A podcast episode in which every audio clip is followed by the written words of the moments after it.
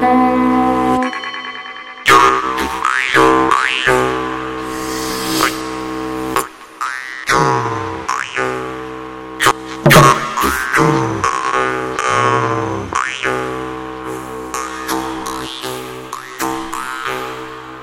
ritu raksti. Labu dienu jums teica tradicionālās kultūras raidījuma laika ritu raksti vadītāja Iveta Medene. Šodienas raidījumā turpināsim runāt par krāsu mistēriju tradicionālajā kultūrā. Proti, par brūnās, pelēkās un zaļās krāsas mītisko nozīmi.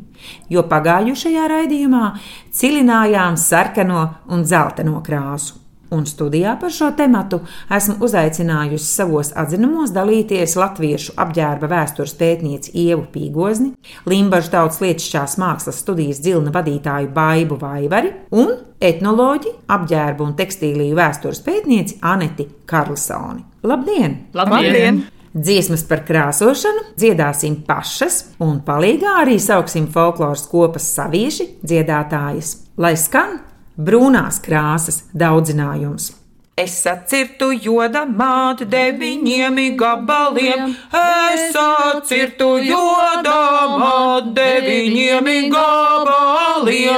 Apšļauts mani brūni svārki ar tām joda asinīm, apšļauts mani brūni svārki ar tām joda asinīm. Brīnišķīgi mums sanāk, Bet vai tā ir taisnība, kad 18. gadsimtā brūna krāsa ir bijusi apģērba modes krāsa? Tā ir. Tā varētu būt, jo brūns, kvalitatīvi brūni krāsa. Tā bija ļoti dārga, vienmērīgi. dārgi svārki brūnie. Jā, bet tad varēja būt gadījums, ka tiek runāts par ļoti konkrētiem brūnu vadmalu, kas à. ir ievesta, kas ir tirzniecības. Pirmā prece. brūnā krāsa, kas ir modes krāsa, ir tieši ievestā vadmalā. Bet vispār 18. gadsimtā es teiktu, ka baltā un pelēkā apģērbā ir daudz motīgākas un plašāk izplatītas krāsas. Nu, priekš latviešu tradicionāla apģērba noteikti. Nē, bet ieviņi tev vēl kaut kas ir jāapstāst par Bruno krāsu. Nu, tā Bruno, mēs tev vaļā te nelaidīsim. Pēc tam es varēšu vēl jā, lai Ieva pastāstīja, lai vairāk ko teikt. Um, Jā, brūnā krāsa ir tā, kas uh, visciešāk savā tajā simboliskajā, mītiskajā nozīmē ir saistīta ar to, kā šo krāsu iegūst. Jo brūnā krāsa ļoti bieži tiek iegūta no tādiem augiem, kas ir ārstnieciski, kas, piemēram, aptur asiņošanu, no koku mizām visdažādākajām. Un tad, skatoties eh, folkloras materiālos, var redzēt, ka, piemēram, koka mizas ir kā tāds aizsargslānis, kas ir apkārt cilvēkam. Un uh, arī tad, acīm redzot, šis brūnais apģērbs ir apkārt kā aizsargslānis, un kas viņu aizsargā, pasargā. Un tāpēc, cik var saprast arī no karavīru dziesmām šie brūnie svārki ir tieši nu, ar šo aizsargājošo un pat asins apturēšanas nozīmi. Ja nu gadījumā cilvēks ir ievainots, tad viņam šis brūnais apģērbs palīdz nenosiņot. Restīvi brūno krāsu dod tanīni, un tanīniem ir savēlkoša dziednieciska īpašība, ko tiek izmantot restīvi apkarošanā šo mītisko burvīgu vainu. Nē, tā, viņi, ļoti, viņi ļoti labi sasaucās kopā. Bez tam brūnais, tumši, tumši brūnais ir sinonīms tumši zilajai krāsai, krāsu lietojumā. Jo bieži vien var atrast, nu ne bieži vien, bet principā ir iespējams atrast latviešu etnogrāfiskajā materiālā jostas, villainas, zeķes. zeķes, cimdus, man liekas, arī varbūt mazāk, bet principā greznus priekšmetus, kur it kā pēc krāsu schēmas, pēc lietojuma būtu jābūt tumši zilajai krāsai. Bet tādā vietā ir tumši, tumši brūns, tāds gandrīz melns. Un tad viņu pilnīgi es, kā, es viņu saucu par krāsu sinonīmiem, jo acīm redzot, tam cilvēkam, kas viņu raudis, nav bijis iespēja dabūt šo tumšu zilo, un tā zilā vietu aizstāja šis tumši brūnais. Vai viņš ir saukts par brūnu vai par melnu, grūti pateikt, jo mēžs un melns ir vienas cilmes vārdi, kas nu. Bet vai melnu vispār no dabas augiem var iegūt? Nu, tādā spoži melnu var, bet ne no Latvijas augiem. Nu, re.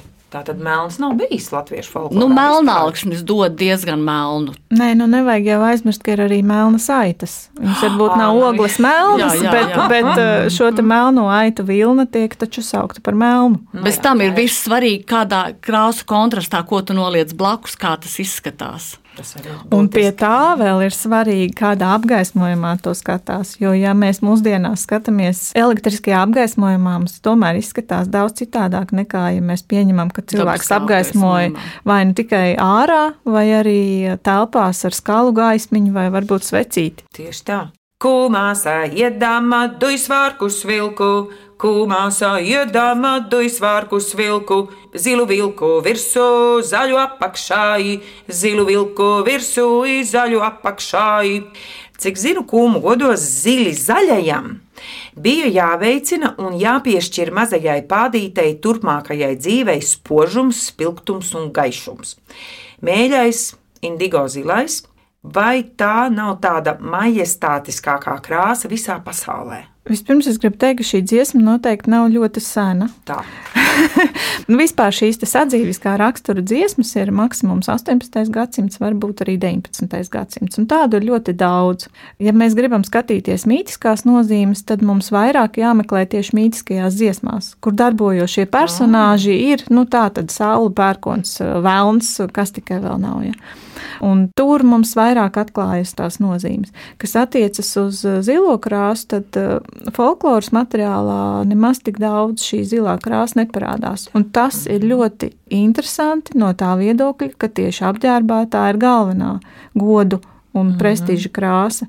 Un, uh, tā kā šī zilā krāsa folklorā nav daudz, tad arī tās nozīmes mēs nevaram ļoti plaši izvērst, bet tā galvenā, ko var nojaust, ir tā, ka zilā krāsa ir saistīta ar tādu tā mītisku piederību augstākajam sabiedrības slānim. Nu, ne tikai kā praktiski šis ir zilās krāsas apģērbs, kā piederīgs augstākajai sabiedrībai, bet arī kā mītiski augstākajai sabiedrībai, kas ir teiksim, debesu dievības un tā tālāk. Un tā tad, ja cilvēks valkā šādu apģērbu, tad viņš ir nu, gandrīz tā kā dieva dots aristokrāts savas sabiedrības vidū.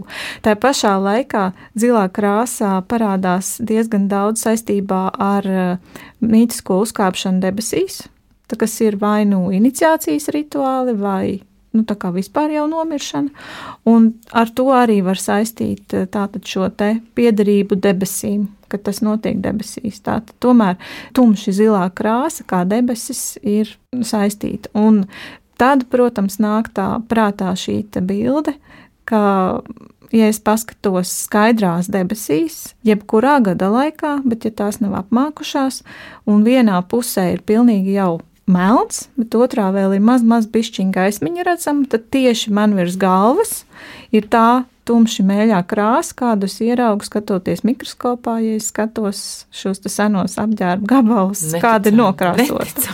Un, attiecīgi, es domāju, ka nu, cilvēks jau nevarēja to nepamanīt. Un tad, nu, ja mēs domājam tālāk, tad ļoti iespējams arī, ka tas rotājums ar metāliņiem, nu, tās ir tādas sava veida jau tās zvaigznītes. Jā, un ja vēl mēs turklāt šai vilēnai abos galos pieliekam vārkstis no dzeltena sarkanā, tad mums pat saulrietis un saulēkts sanāk. Es jau vizualizēju šo ainu. Gribu tautas tērpā tūlīt ieģerties, sajust vēl to krāsu burvību. Jā, pilnīgi uzbūrās tēls skaists. Knabmāsiņa madariņa sāra pļavu ganīdām, ai, ai, āra, pļavu ganīdām nepiedar melni raksti bez sarkana dzīpariņā, ai, ai, ai, la, la, bez sarkana dzīpariņa. Sūta mani māmuliņa uz siliņu dzeltu rauti, ai, ai, ai,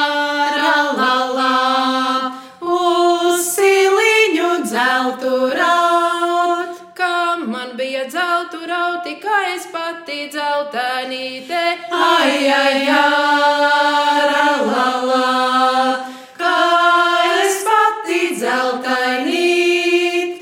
Vecā māte gudreniece, zila zaļa pervētāja. Ai, ai, ai, la, la,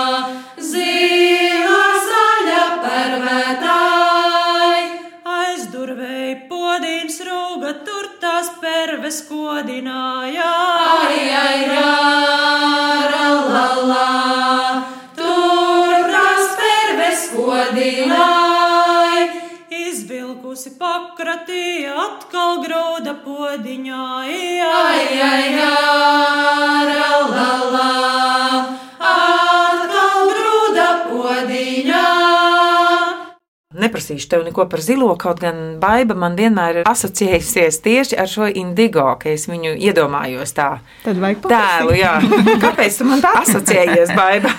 Kāpēc? Um, varbūt tas ir saistība ar kuldīgu, es nezinu. Nu, nu. Um, no maniem vienu puses senčiem, no kuldīgas puses, kuldīgas tautas tērpā, jā, ir viena villaina, kas man alaži bijusi gauži mīļa, tieši tāda, kā tu te mini, jā, ar rakstiem, kas izrakstīti zils ar zaļu, jā, tieši mēļi zilais ar zaļo, jā. Nu tā, tas droši vien kā ar to, nu tas ir man persona. kā man šis zilais ar zaļo, jā, es nezinu, varbūt tu ar tā redzi. Jā, mums tomēr ir jādodas pie nākamās krāsas, un tā būs pelēkās krāsas mītiskā nozīme. Te nu skanēs tāda dziesma. Vienā patē manaitiņa, pelēkām kājiņām, es audīšu villainīti, pelēkām kantītēm. Nu, pelēkais ir melnā un baltā savienojums. To jūs nevarat apstrīdēt. Vai varat? Īsti nē. nu, labi, bet Nē, varam, varam. Varat, jā. jo vispār pelēkais ir pats par sevi, tāpēc ka pelēkais visbiežāk ir nevis krāsots, bet vienkārši pelēku aitu vilna. Aha, Ir es balta. tikai domāju, ka tas ir visu krāsu Nē, kaut gan ir arī melni baltais sajaukums, kā pelēks. viņš ir ļoti neitrāls būtībā, uz kā izcelties pārējiem. Nu jā, ir trīs nekrāsas - balta, melna un pelēka. Nu, jā, Tas nozīmē, nav krāsots. ah, Viņi ir dabīgi. Trīs nekrāsas. Tā ir mana sajūta. jā, bet no mitoloģiskās puses ieviņa. Pelēkā krāsa visvairāk ir uh, saistībā ar um, to līgavu zakšanas rituālu, kas parādās dziesmās, visvairāk dziesmās, arī ticējumos par to, ka tātad jauna meita ir vai nu šī pieminētā dzeltenā ciela, vai baltā irbīta, vai uh, baltā aitiņa vai kaziņa. Un tad viņai ir šis nolaupītājs, kas ir savukārt pelēkā krāsā. Ja tas ir putns, pretī putniņam, tad tas ir pelēkais vanaks visbiežāk. Mm -hmm. Ļoti daudz dziesmas, kurās precinieki ir pelēki vanagi, turklāt vēl pieminēts, ka viņi ir tajos pelēkajos metālīšos. Neredzamajos. Nu, gan jā, gan nē, jo pelēkie metālīši jau arī ir ļoti populāri apģērbā.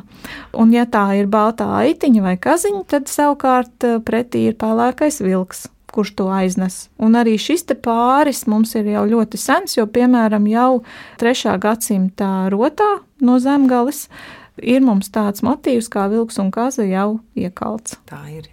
Bet šī dziesma, piemēram, man tagad ienāca prātā tā līgotne, to atcerēšos. Melna čūska miltus, mala līgo, līgo, uzpelēk akmentiņa līgo, līgo, uzpelēk akmentiņa līgo, uzpelēk akmentiņa līgo.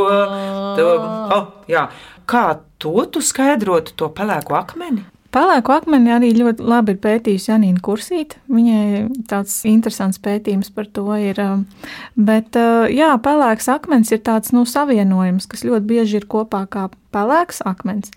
Bet uh, tas visvairāk ir uh, tieši dziesmās, un tas nu, nereti aizpild tiešām tādu vienkāršu akmeņa apzīmēšanu kā tādu.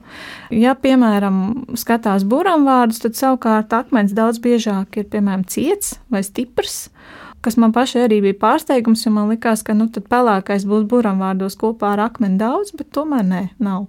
Tā kā, nu, tās visas lietas ir tādas, ko mēs faktiski pat nevaram paredzēt iepriekš. Nu, kā arī par dzelteno krāsu jau aizmirst pateikt. Nu, Jebkuram cilvēkam, kad pirmo reizi pajautā, nu, kas tad mums ir dzeltens, visi saka saule, bet uh, folklorā saule nekad nav dzeltena. Saule vienmēr ir vai nu balta vai dažreiz sarkana. Jā, jā, Un tas tā. arī viss. Mm. Tā kā uh, nu, nav tā, ka mēs varam uzreiz salīdzināt ar to, kas ir zināms un lietots mūsdienās, ar to, kā ir kādreiz. Nu, tā dzeltenā saule, manuprāt, ir eh, radusies no tā, ka bērnu dārzā liek zīmēt dzeltenas saulītes. Nu, gan jau vēl senāk. Vai gan sanāk.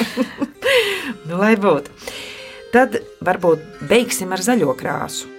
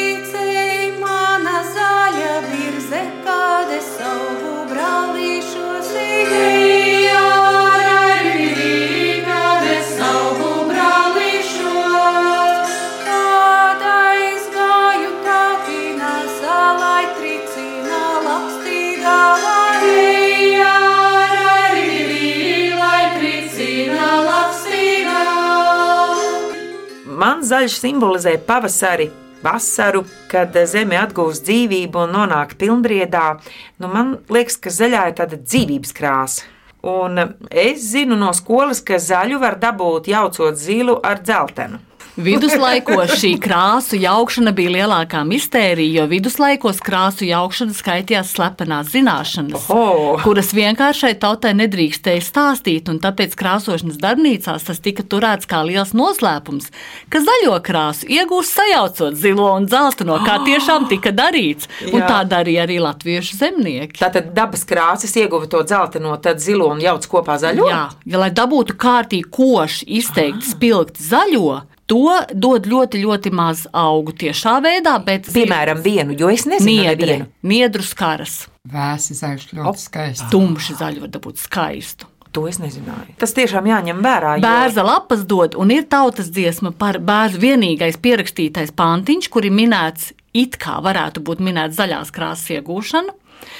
Manis dēļ purva bērns lapo zelta lapiņām, ne no tevis slotas griezu, ne ar viru dzīpariņu. Tātad viru dzīpariņu vārīt dzīves krāsošanas nozīmē, bet šeit nav teikts, kāda krāsa tiek iegūta. Un šis bērza lapas. Nu, ne jau purva bērns, kur tur pasakā skaidri un gaiši, ka tevi jau es neizmantošu, jo tur tās lapiņas tik mazas, ka tur nav ko daudz izmantot. Jā.